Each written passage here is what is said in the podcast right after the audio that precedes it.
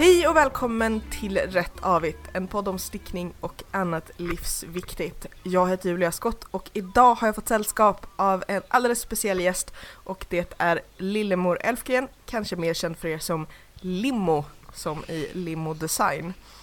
Eh, limo med två M, inte som i en sån där bil som man åker omkring i. Mm. Precis. Eh, eller ja, inte välkommen hit för du är ju hos dig och jag är hos mig. Men välkommen till podden. Tack så mycket. Mm. Eh, berätta om, om dig själv. Vem är du? Vad gör du?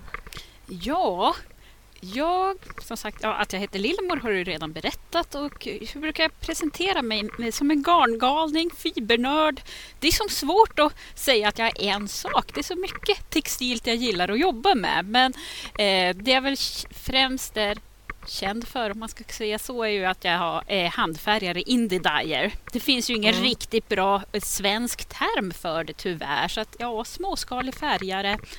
Jobbar mycket med... En, en, en frifräsarfärgare? Det var ganska bra namn. Jag vet inte hur bra det blir att sprida så, men varför? Ja, det är ungefär det det betyder. Så att... Jag tycker vi kör på det. Mm. Ja. Uh, och vad, vad stickar du på just nu? Just nu så håller jag på, ja det är ju inte bara ett projekt, jag är inte särskilt trogen när det gäller stickningar men jag håller på med en volangsjal av mitt egenspunna entrådiga garn med en volang av Sannes silk mohair. Så jag är mm. just nu ute på volangen så det är väldigt långa, ganska tråkiga varv men snart så ska den vara färdig. Mm. uh, och men det är det som är det mesta just nu? Ja, den och sen så har jag ju lite vantar och pågående, en Croft Hose Hat. Det är ju Shetland Wool Weeks eh, mönster i år. Men det var lite mm. fel i hoptagningsvarvet så den vilar just nu. Jag måste repa upp så den är inte så lockande. Den får svalna och mogna? Ja, förhoppningsvis hamnar den inte längst ner i någon låda. Jag tänkte den ska bli färdig men vi får se helt enkelt. Eh, när började du sticka? Oh, jag tror jag lärde mig när jag var ungefär fem år. Eller jag lärde mig väl att sticka första gången då kan man väl säga. När man är sådär fem, sex år så behöver man ju några repetitioner sen när man ska börja igen. Men när jag var ungefär fem. Och vem var det som lärde dig? Det var min mamma. Så att, är hon, är hon en, en storstickare? Ja, det kan man säga. Hon har väl alltid stickat extremt extremt mycket. Hon brukar berätta om hur när jag och min lilla syster var små, när hon stod och stekte pannkakor åt oss, så ja, då kunde hon sticka några eh, masker på en tröja till oss samtidigt med, in, mellan vändningarna. Så det är väl någonstans med det jag är uppfödd och garn överallt. Hade mammas vävstol som klätterställning och ja, det är inte konstigt att det har gått som det gått. Alltså pannkaksstickning, det jag gillar det, jag är för. Ja, det jag funderar på är man kanske ska ha något som är tvättbart för pannkaka, man vet ju hur det brukar lukta det i huset. Liksom. Ja, och hur det brukar lukta. Pannkaka kan vara gott men det brukar ju bli ganska osigt och lukta mycket så att mm. så man kanske inte ska sticka vad som helst samtidigt. Det kanske kan vara lite mysigt att lukta pannkaksos. Har din mamma också sysslat med, med att färga garn? Eh, jag vet hon gick någon kurs i växtfärgning där på 70-talet. Det var ju väl då alla, alla skulle lära sig att växtfärga senast. Men inte så att hon höll på att färga när jag var liten eller så. Utan det är något jag har tagit upp själv helt enkelt. När då? Eh, dels jag läste textillärarutbildningen här uppe i Umeå och då, fick man ju, då hade man moment så att jag har några universitetspoäng i färgning till och med om man ska skryta. Men, eh, Vad ballt! Ja, jo, det, det, går faktiskt, det går. Men, eh, men då fick man ju, hade man moment med färgning men då färgade jag mer faktiskt eh, färdiga tyger och textilier så och mer bomull. Nu jobbar jag ju mest med ull och proteinfibrer. Men då, då fanns det där i bakhuvudet sen när jag tog upp det senare. Mm. Men varför fick du för dig att, att eh, börja sälja? Ja, det var väl egentligen bara en slump som så mycket att måste man, måste man ha en plan. Jag tror var, det var väl kring 2009 jag började färga på allvar och då, ja, Ravelry var ju sen några, hade ju kommit sedan några år då och då började man se garner där och alla de här amerikanska indie dyers, Wollmeise och det fanns som ingenting sånt i Sverige. Så givetvis var jag ju tvungen att prova själv i vårt lilla kök i vår tvåa. Och Sen som vanligt så kan jag aldrig hålla mig mitt på vägen utan jag far i endera diket så att det råkade bli ganska mycket garn och eftersom jag hållit på med hantverksmarknader och sälja färdiga alster ganska länge så var det ganska naturligt att börja sälja garner. Och när började du sälja på nätet? Ja, det var nog där 2009-2010 faktiskt, så ganska tidigt ändå. Och hur har det gått det blir en sån ofin fråga. Men hur, hur gick det i början? Nej, det gick ju... Sen när, eh, det gick ändå eh, eh, bättre än jag trodde. Lättare än man trodde. Det är ju, man, har ju, man är ju lite snål med garn. Så då till en början var jag förvånad att folk var beredda att betala för det faktiskt. Det är ju alltid lite egotripp att upptäcka att folk vill ha en sak. Så är det ju. Men sen handlar det om med tiden alltid att att ha bra produkter är en sak men det handlar, du måste också bygga upp dig ett varumärke, ett namn. Det är minst lika viktigt. Och hur gör man det? Om du vill dela ja, med dig av dina hemligheter. Det är väl inte så mycket hemligheter. Nej, fast dels, det handlar ju om produkten också, kvaliteter, att ja, i mitt fall vilka, är ju färgerna och färgkombinationer och så en viktig del. Att jag, mina namn på garn, man ska aldrig mm. underskatta att vad man namnger en produkt eller ett garn. Och sen så att, att synas. Att vara, att vara lättillgänglig, sociala medier, eh, svara snabbt på, så snabbt man kan på frågor och sådana saker. Och så håller jag på en hel del med mässor och marknader fortfarande. Mm. Men vad, vad skulle du säga är din grej då när det gäller färg och färgkombinationer? Oh, ja, jag kan vara ganska...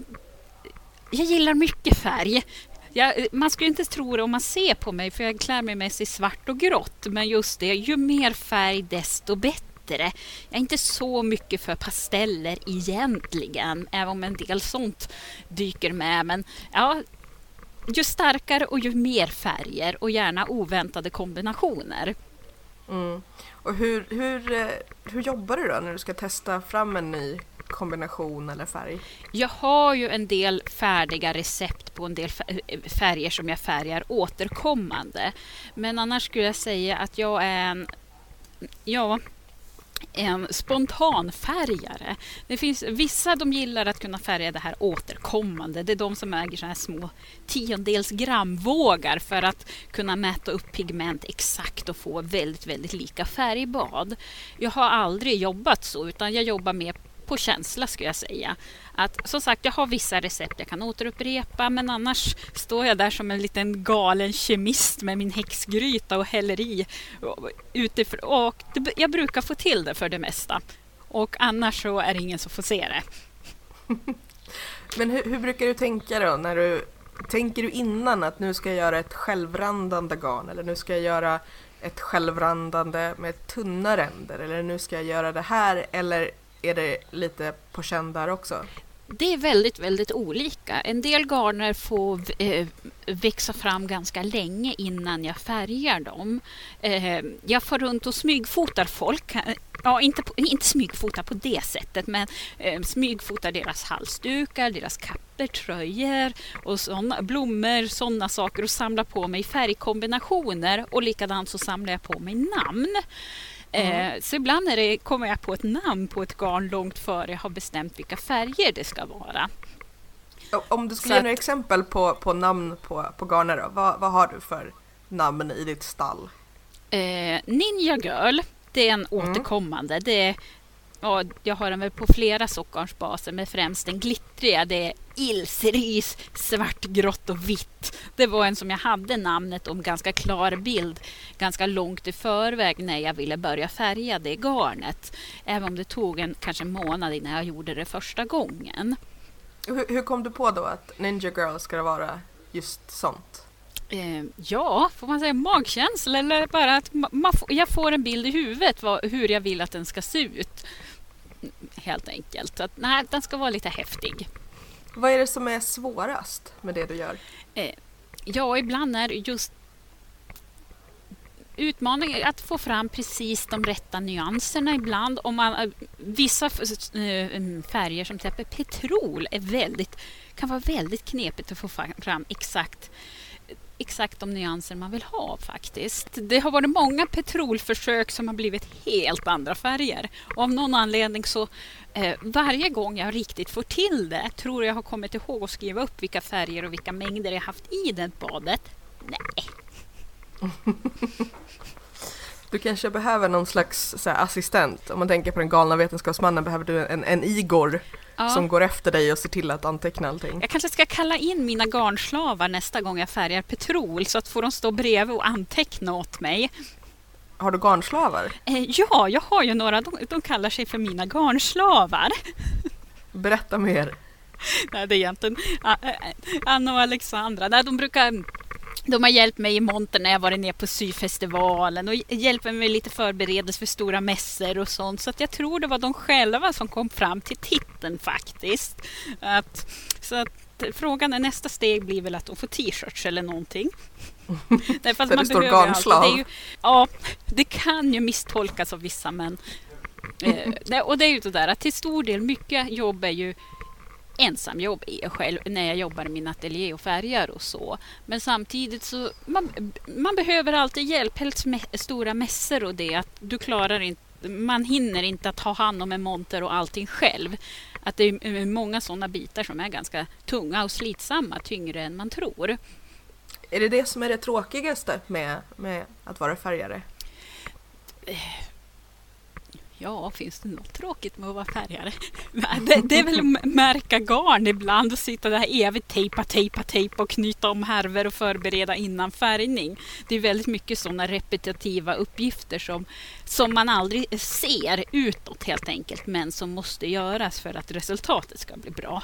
Så att är det inte det man har garnslavar till? Ju inte av att man, Ja, till exempel. Ja, det, det låter väl hårt, men jo, nej, fast till viss del att man har bra kompisar som hjälper en helt enkelt vid behov.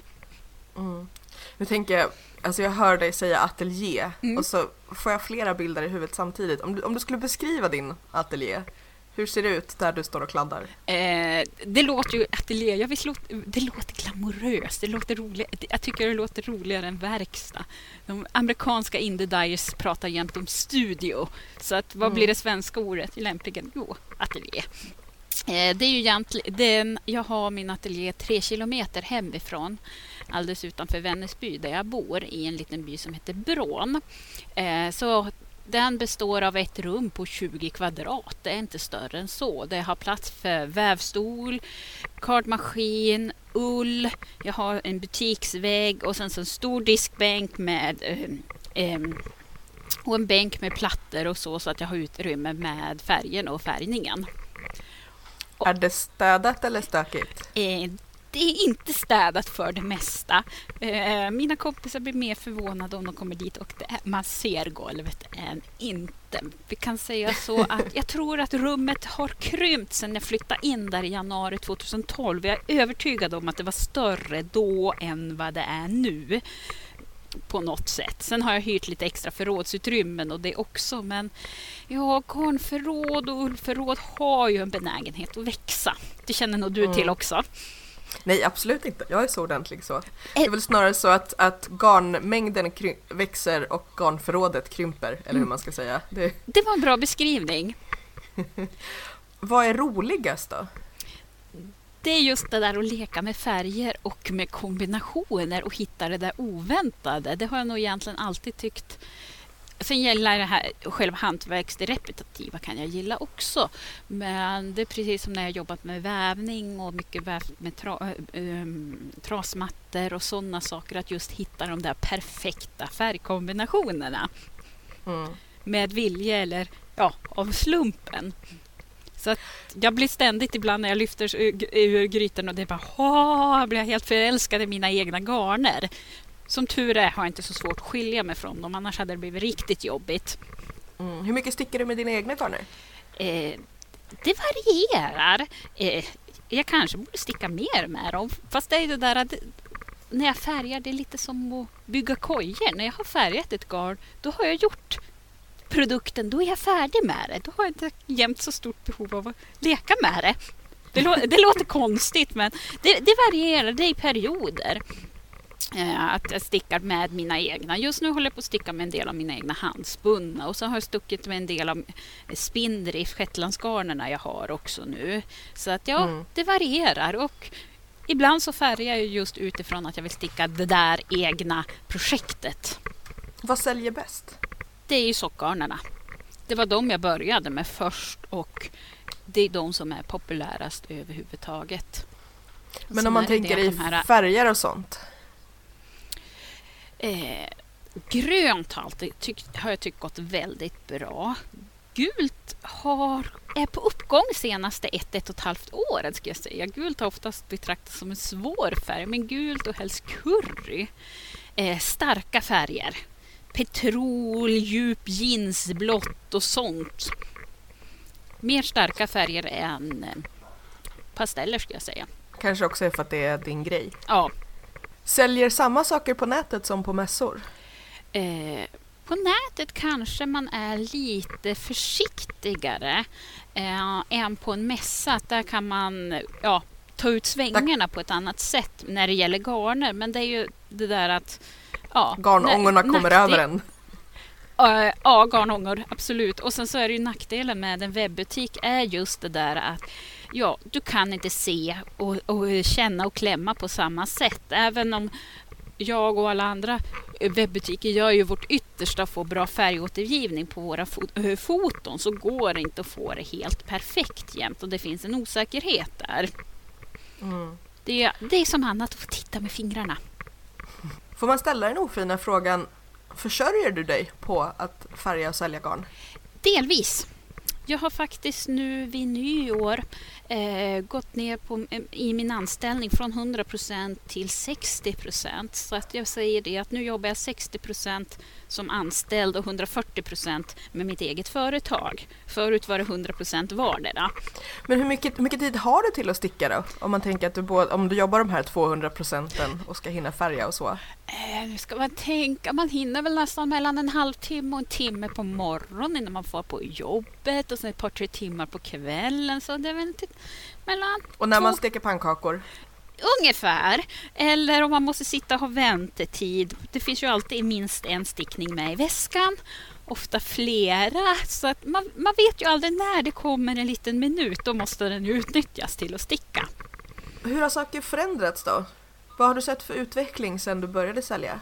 Eh, det jag tycker är att dels så är vi ju fler färgare, vilket är jätteroligt. Och, för det gör ju att eh, hela Eh, stickningsvärlden, hantverksvärlden blir medvetnare om att det finns svenska färgare och svenska småskaliga garnleverantörer. Och det tror jag vi alla som, som färgar bidrar till.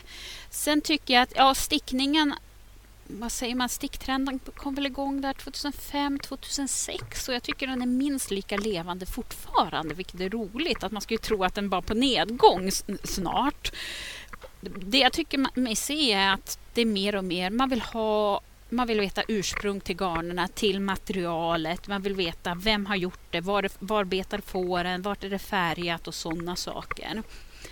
Sen tycker jag också de senaste ett, två åren att man blir mer och mer intresserad av att lära sig att spinna egna garner. Att mm. veta just det där hela vägen. Och det är väl en ganska naturlig eh, eh, följd av sticktrenden att man förr eller senare tittar på garnet och funderar men hur gör jag det här? Det måste jag ju också kunna. Fast det är knasigt för då stjäl man ju också tid från stickningen. Ja, jo det är ju det. Och det där att eh, jag har ju hört en del som tror att jag ska lära mig spinna för tänk vad billigt garnerna blir då. Um, det är inte så det, är det funkar. ungefär som när man säger att man ska lära sig att sticka för att då blir tröjorna så billiga. Eh, precis. Um, man kan ju försöka lura sig själv och omgivningen med det i alla fall. Eh, vi säger att stickning, man brukar kunna prata om det som missbruk. Om sticka är rö eh, så kanske rökning, kaffe, eh, så är spinna som kokain. Vad är färja i så fall? Um, ja, det är... Ska vi tänka, det är väl kanske någonstans mittemellan. Så det är som eh, det klassiska receptet på Coca-Cola som faktiskt innehöll kokain? Mm. Typ. Okej, okay. ja men vi säger ja. det. Mm. Um, men dina baser då? Vad, vad använder du för garner och färga på? Eh, det är lite olika. Jag tar från en hel del olika. Mina sockgarner har jag faktiskt opalgarn som bas. Jag träffade på det var flera år sedan, var på Vävmässan 2011, nej det var 2010 tror jag, var på syfestivalen i Borås där jag träffade på Åsa från Apalgarn första gången och det visade sig att de kunde leverera garner på härva åt mig och det var ju det som också gjorde att det tog fart för mig för att innan hade jag fått stått och härva om garner från nystan själv. Det var ganska drygt. Det är inte det man vill ägna sig åt att bli trött i handlederna för man stod med en härvel. Så det är opal är min huvudsakliga bas. Sen har jag lite andra olika som jag tar från ja, flera olika håll. Vad har överraskat dig under den här processen? Mm. Ja, dels att det, bara blir, det blir bara roligare och roligare. Eh, och sen så att jag ser nu hur man själv utvecklas också. Hur min, eh, till viss del behåller man ju en grundstil men hur man utvecklar den och olika färgtekniker med tiden. För nu har jag hållit på att färga ganska många år men det blir, det blir aldrig tråkigt. Tvärtom, så mm. bara längta efter nästa gång. Om det är två veckor jag inte har möjlighet att färga då känns det nästan tomt i livet. Ja. Hur tror du att dina garner ser ut om tio år då? Ja, jag tror nog att jag förhoppningsvis färgar fortfarande. Jag har svårt att in, tro att jag inte gör det. Eh, till en viss del har de de liknande garner jag gör idag. Jag kanske ändrar mig till mer dämpad färgskala. Det, det, är svårt att säga.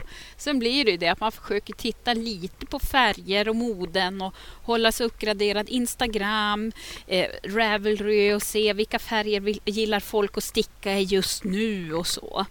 Sen något jag gjort de senaste åren är att börja mm, färga mer enfärgade garner också. Till en början gjorde jag bara flerfärgade. Men just att det behövs en bra enfärgad bas också. De här fler... Så att man kan randa. ja, och de här flerfärgade är ju jätteförföriska helst på härva. Jag kan inte säga något annat men jag är först att erkänna att de är superspräckliga garner passar inte till allt. Ska du göra en avancerad spetssjal och ett superspräckligt garn, det är bara nej. I vissa fall, vissa kommer undan med det, men det kan vara lite vanskligt. Att mm. de tar ut varandra och det, det är ju synd. Vad stickar du själv helst med för färger och så? Mm det är svårt. Det är som om du skulle säga vad är min favoritfärg? Eh, jag stickar helst med de färger jag stickar med just för tillfället, då, just då. Är det ett svar? Det duger. Men vad gillar du att sticka för saker då? Eh, vantar. Mönsterstickade vantar är som min stickpassion jag aldrig tröttnar på. Eh, jag började väl sticka flerfärgstickning när jag var 15 19. Först stickade jag en mössa. För mamma, jag ville börja med en tröja. Eh, jag har släkt i Norge så vi fick jämt massor med mönsterböcker och det därifrån. Så jag ville börja med en lusekofta. Men mamma tyckte jag skulle göra en liten provstickning först. Så jag stickade en mössa. Sen fick jag garn till en lusekofta, hel lusekofta som jag stickade och stickade och stickade på hela våren. Den var klar ungefär den här tiden på våren faktiskt.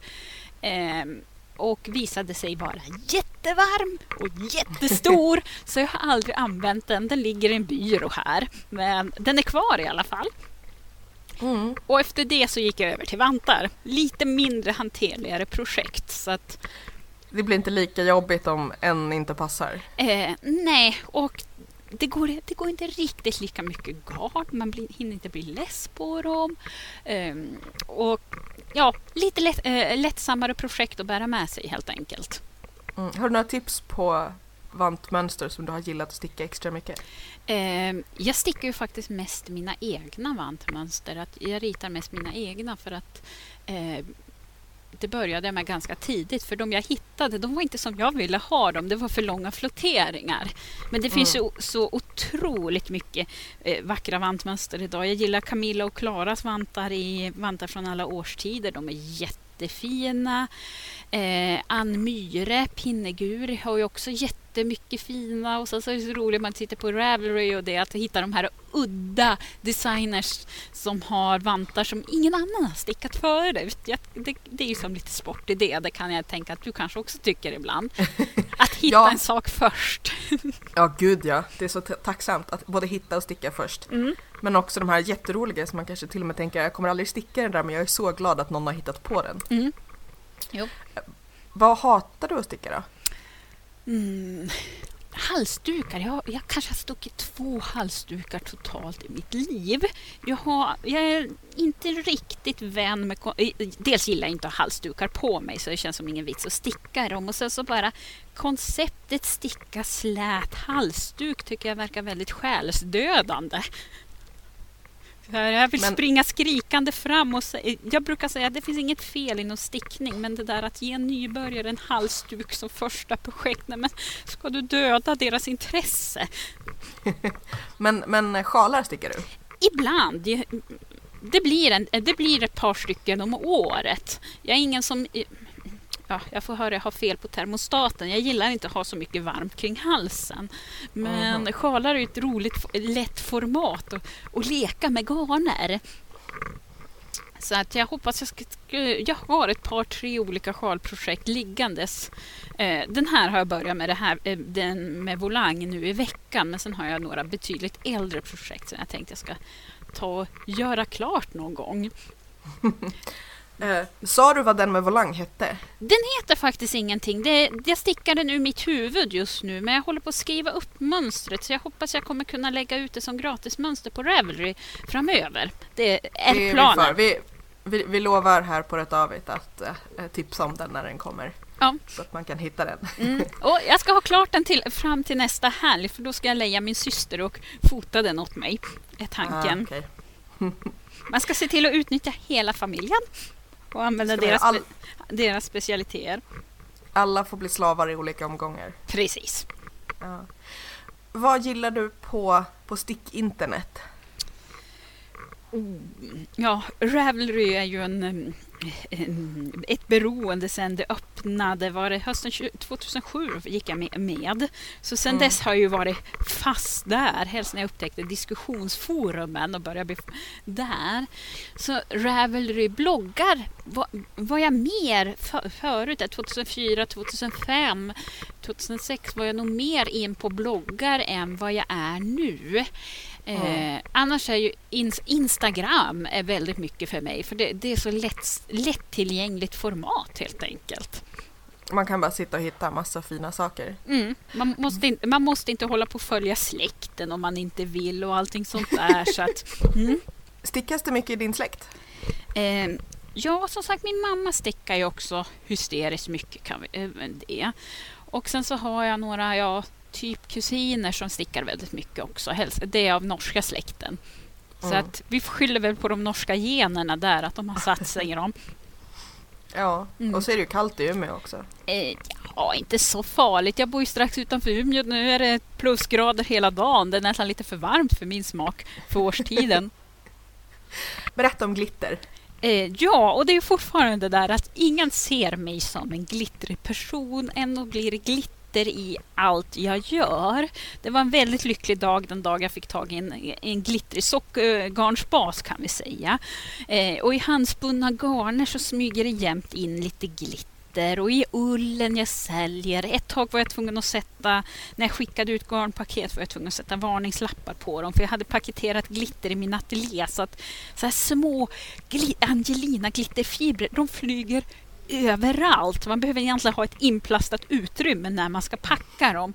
Det har hänt kanske för mycket En, en information. glittersluss liksom. Ungefär. Det har hänt så lite för mycket information. Det har nästan till snytit ut glitter när man hållit på att packa det. Så att eh, det smyger sig på. Jag tror att vi alla har en inre skata. Mm. Mm. Hur, eh, hur säljer glitterstrumpgarnerna då?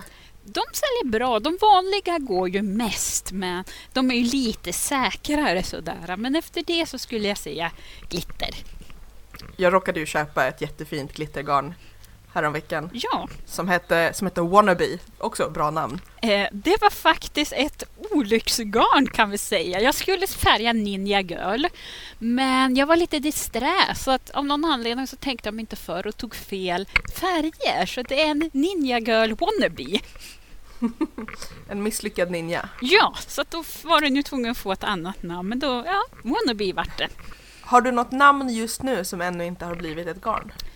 Mm, nu har jag, nu ska vi tänka, jo jag har långa listor. Jag har hela tiden, om vi säger i tv-soffan, har jag jämt ett block där jag eh, skriver upp alla namn jag kommer på. Det kan handla om en låt man lyssnar på eller typ se på tv-program eller så bara har, man, har jag en bisarr hjärna som kommer på saker. Eh, så att det, det finns långa listor. Ett namn jag vill använda mig av, men mina ateljégrannar satte in något slags veto sist jag skulle använda det och menade att det inte passade. Det var bottenslam. Erkänn! jättebra! Ja, du ser precis framför dig vilken färg det är om jag säger bottenslam, eller hur? Ja, ja. Så här lite grönbrun murrigt. Så att, nej, jag måste göra ett, ett bottenslamgarn. Du, får, du får göra det när de inte är där. Ja, och sen vad då? Jag är ju vice VD, ekonomiansvarig, allting i min firma. så det är väl egentligen jag som även är namnansvarig. Det är det som är Ja, komiskt. Man är enskild firma. Man får alla möj- Man känner så här, åh, till VD. Åh, det är jag. Vad är du sugen på att sticka just nu? Just nu, så att jag har i flera månader velat kring att jag borde sticka mig en ny vårkofta. Men jag lär väl inte hinna klart det medan det fortfarande är vår. Och dels har jag tittat på eh, Ann Myhres loppa. Den har jag Mm. tittat på ända sedan hon släppte mönstret men inte tagit mig för. Eh, sen är jag väldigt sugen på Next Year in, in, year in Lerwick. Den tycker Mm. jag är jättefin. Det är bara en fråga om att hitta färgerna. Har Tänk, tänk om du bara kunde, om det fanns något sätt att göra färger själv. Mm.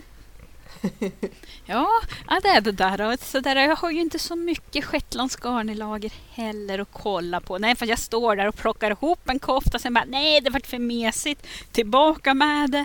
Och så, så velar jag på. Det är nackdelen också när man är färgare och konsthantverkare eftersom jag fortfarande stickar mycket för försäljning, både som jag säljer själv och hos olika hantverksbutiker och återförsäljare, så är det ju så att när det börjar komma till sommarsäsong eller någonting, om jag har påbörjat ett projekt till mig själv och sen kommer någon, vi behöver tio par vantar. Ja, fast då, då åker ju allting till mig själv åt sidan.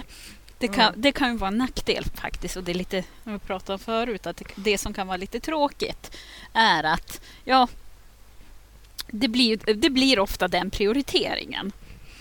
Men hur tänker du kring det där att, att den här väldigt dubbla i att jobba med det man älskar?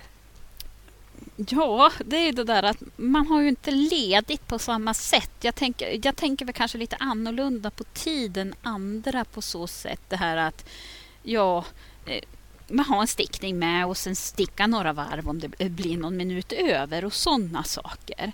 Eh, och det kan ju bli, det ser man ju i olika diskussionsforum och det att det kan vara, bli motsättningar när folk att det där att ja, de som lever professionellt på det mot att man bara gör det för nöjes skull, till exempel med Mm. prissättning och så. Men det är ju det där att det, det är svår, när är man ledig? När eh, jobbar man? Jobbar jag om jag sitter och tittar på en film och stickar på kvällen? Det, det är jättesvårt att säga. Eller jobbar du om du tittar på filmen och får en jättebra idé av färgen på någon byggnad? Ja, nej, och så är det ju med alla jobb. Även om du är anställd någonstans så betyder det inte att hjärnan, när du går ut från dörren på din arbetsplats, att hjärnan klipper av allting och att du inte tänker på något som händer på ditt arbete. Det har jag svårt att tro. att så har nog alla. Eh, men, och sen så... Eh, jag är van vid... Jag har ju egentligen jag har haft eget företag nu i tio år. Jag har hållit på med marknader och försäljning så sedan jag var 15. Så att jag känner inte till så mycket annat än att jobba med hantverk på kvällar och helger och somrar och allting sånt där. Men, Men du tycker fortfarande om det? Ja. Eh, jag kan inte låta bli. Jag har ju som sagt att jag prov, har ju gjort tappra försök att vara heltidsanställd och sådana saker. Men jag kan ju inte hålla mig från, från det textila ändå. Så att jag, jag måste jobba med det helt enkelt. Jag har inget val. Det, det låter som ett ganska trevligt problem att ha ändå. Ja. På något sätt. Mm. Nej, och så vet jag ju att jag har ju alltid möjligheten att jag kan ju reglera utifrån hur livet ser ut just nu. Är det mycket annat som måste hända, ja fast då får jag kanske jobba lite mindre med det. Eller så behöver jag jobba mer med det för att få den stunden i ateljén. Den är bland mina fa absolut favoritplatser där jag får härja hur jag vill. Bara det här att hålla på med projekt så är det bara att lämna det fram, att inte behöva plocka undan hela tiden och sådana saker. Att det ger väldigt mycket energi. Mm. Nu blir jag avundsjuk. Nej, jag har, det ganska bra, jag har det ganska bra jag också. Jag har lite bord där jag kan lämna grejer. Du får hojta till nästa gång du kommer upp på Umeå så får du komma förbi. Och sova i din ateljé? Eh, ja, vi har ju några kökssoffor så att vi kan nog bädda ner dig där eller så får du sova i en ullhög. Jag har gott om ett. Det, det låter okej. Okay. Mm. Hör du, var hittar man dig på, på internet? Då hittar man mig på min hemsida www.limodesign.se bindestreck mellan limo och design. Sen finns jag på Instagram, limo design utan bindestreck den gången. Och även på det här nya Ello eh, faktiskt har jag gjort ett konto, även om det har inte satt mig in så mycket i. Men det verkar vara något som kanske är på gång, kanske inte blir något. Det är spännande att bevaka hur, hur det forumet fungerar.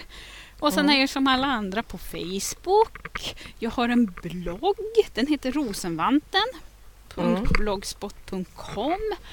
På Ravelry finns jag bara som privatperson. Där har jag, jag har inget eget företagsforum. Man måste, det är det också att ska man finnas i alla sociala medier eller inte? Det, det tar ju tid så det är bättre att kanske begränsa antalet konton och hinna sköta dem också. Mm. Men man kan också hitta dina garner på Ravelry och lägga till i sin stash och så vidare. Absolut, det får man jättegärna göra. Och på rättavit.se så kommer vi att länka till dig på alla ställen där du kan tänkas finnas och till andra saker som vi har pratat om i avsnittet. Och så får man självklart som alltid jättegärna gilla oss på Facebook, eh, gilla oss på Ravelry eller vad man ska säga och allt sånt där spännande prenumerera på podden, sätta betyg och alla andra grejer. Eh, och så ska ni inte glömma att eh, nu är det ungefär inte så lång tid kvar tills tävlingen är slut där man kan vinna den här jätte, jättefina växtfärgningsboken. Eller naturliga kallades det väl kanske, moderna naturliga färgningsboken. Eh, så glöm inte att gå in på Facebook och bloggen och tävla om den. Hörru Limo, eh, Lillemor, tack så hemskt mycket för att du var med. Tack för att du eh, ville ha med mig. Ja, mm. eh, och eh, podden är tillbaka igen om ett par veckor ungefär som det brukar vara. Eh, glöm inte bort att ladda för vårt tvåårskalas också, 21 maj. Hej då!